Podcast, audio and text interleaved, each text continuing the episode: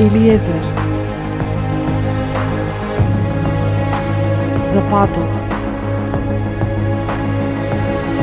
За вистината. За живот.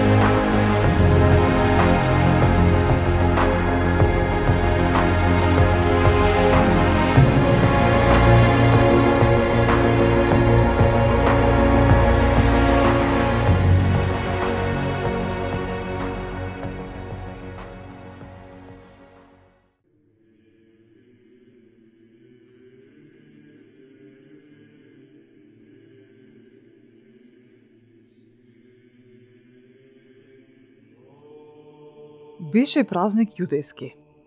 И се искачи Исус во Ерусалим. А во Ерусалим, при овчата порта, има бања, по-еврејски наречена Витезда, со пет тремови. Во нив лежеа мнозина болни, слепи, хроми, суви, кои очекуваа да се раздвижи водата. Зашто од време на време во бањата слекуваше ангел Господов и ја раздвижуваше водата. И кој прв ќе влезеше по раздвижувањето на водата, оздравуваше од каква и да било болест да боледуваше. Имаше таму еден човек кој боледувал 38 години. Исус, кога го виде како лежи и што му зна дека од многу години боледува, му рече Сакаш ли да оздравиш? Болниот му одговори Да, Господи, само немам човек што ќе ме спушти во бањата кога ќе се замати водата, додека пак јас дојдам, друг слегува пред мене. Исус му рече, стани, земи постелката своја и оди си. И веднаш оздраве човекот. Ја зеде постелката своја и одеше. А тој ден беше сабота. Заради тоа јудејците му рекоа на исцелениот. Сабота е и не треба да ја земеш својата постелка. Но тој им одговори. Оној што ме излекува ми рече, земи ја постелката своја и оди. А тие прашаа, кој е човекот што ти рече земја постелката своја и оди? Но исцелениот не знаеше кој е, зашто Исус се беше отстранил, оти на тоа место имаше многу народ. А пото Исус го сретна во храмот и му рече, Ете, сега си здрав и не греши веќе, за да не те снајде нешто полошо. А човекот отиде им кажа на јудејците дека Исус е оној што го излекувал. И затоа јудејците го гонеа Исуса и сакаа да го бијат, оти тоа го вршеше во сабота. А Исус им одговараше, Мојот отец досега работи, јас работам. Затоа јудејците уште повеќе сакаат да губијат. оти не само што ја нарушуваше саботата, туку и Бога го нарекуваше свој отец, правејќи се еднаков со Бога. А Исус им одговори на тој и рече, Вистина, вистина ви велам, Синот не може да прави ништо само од себе, ако не го види Отецот да прави. Оти она што го прави он, тоа истото го прави Синот.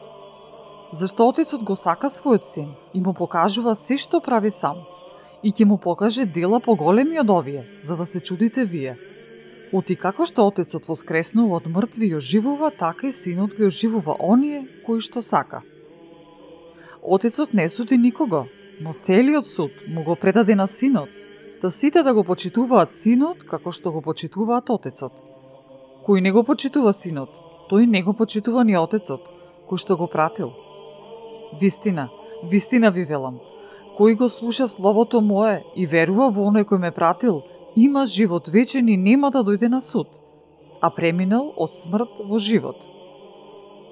Вистина, вистина ви зборувам, иде часот и дошол веќе, кога мртвите ќе го чујат гласот на Синот Божи и штом го чујат ќе оживеат. Оти како што Отецот има живот во себе, така му даде и на Синот да има живот во себе. И му даде власт да осудува, оти е Син човечки. Не чудете се на ова, зашто иде часот кога сите кои што се во гробовите ќе го чујат гласот на Синот Божи и ќе излезат. Кои правеле добро, ќе воскреснат за живот, а кои правеле зло, ќе воскреснат за осудување. Но јас ништо не можам да правам само од себе. Како што слушам, така и судам. И мојот суд е праведен. Оти не ја барам волјата моја, а волјата на Отецот кој што ме пратил. Ако јас сведочам сам за себе, сведоштвото мое нема да биде вистинско. Но има друг што сведочи за мене. и знам дека е вистинско тоа сведоштво, со кое он сведочи за мене. Вие пративте при Јована и то ви посведочи за вистината. Само јас не го примам сведоштвото од човек, туку го кажувам ова за да се спасите вие. Тој беше светило, што гори и свети, а вие малку време сакавте да се порадувате на неговата светлина. Но јас имам поголемо сведоштво од Јувановото. Од и делата што ми ги даде Отецот да ги извршам, самите тие дела што ги завршувам јас, сведочат за мене дека ме пратил Отецот. И Отецот кој ме прати, сам посведочи за мене. А вие ни гласот негов никогаш не сте го чуле, ниту лицето негово сте го видела. Изборовите негови не се во вас, зашто не верувате во оној кој го пратил он. Прегледајте го писмото, зашто вие мислите дека преку него ќе имате живот вечен. И тоа светочи за мене. Но не сакате да дојдете при мене за да имате живот. Од луѓе, слава не примам, но ве разбрав дека во себе љубов Божја немате. Јас дојдов во името на мојот Отец и не ме примате, а некој друг, ако дојде во свое име, него ќе го примите. Како можете вие да поверувате, кога примате слава еден од друг, а славата, што е од единиот Бог, не ја барате? Немојте да мислите дека јас ке ве обвинувам пред Отецот. Има кој да говори против вас, Мојсеј, на кого вие се надевате.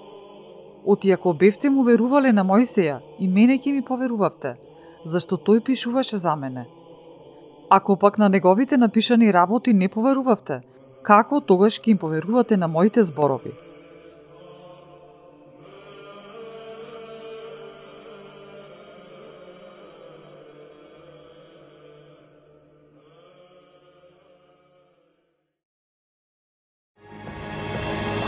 Елиезер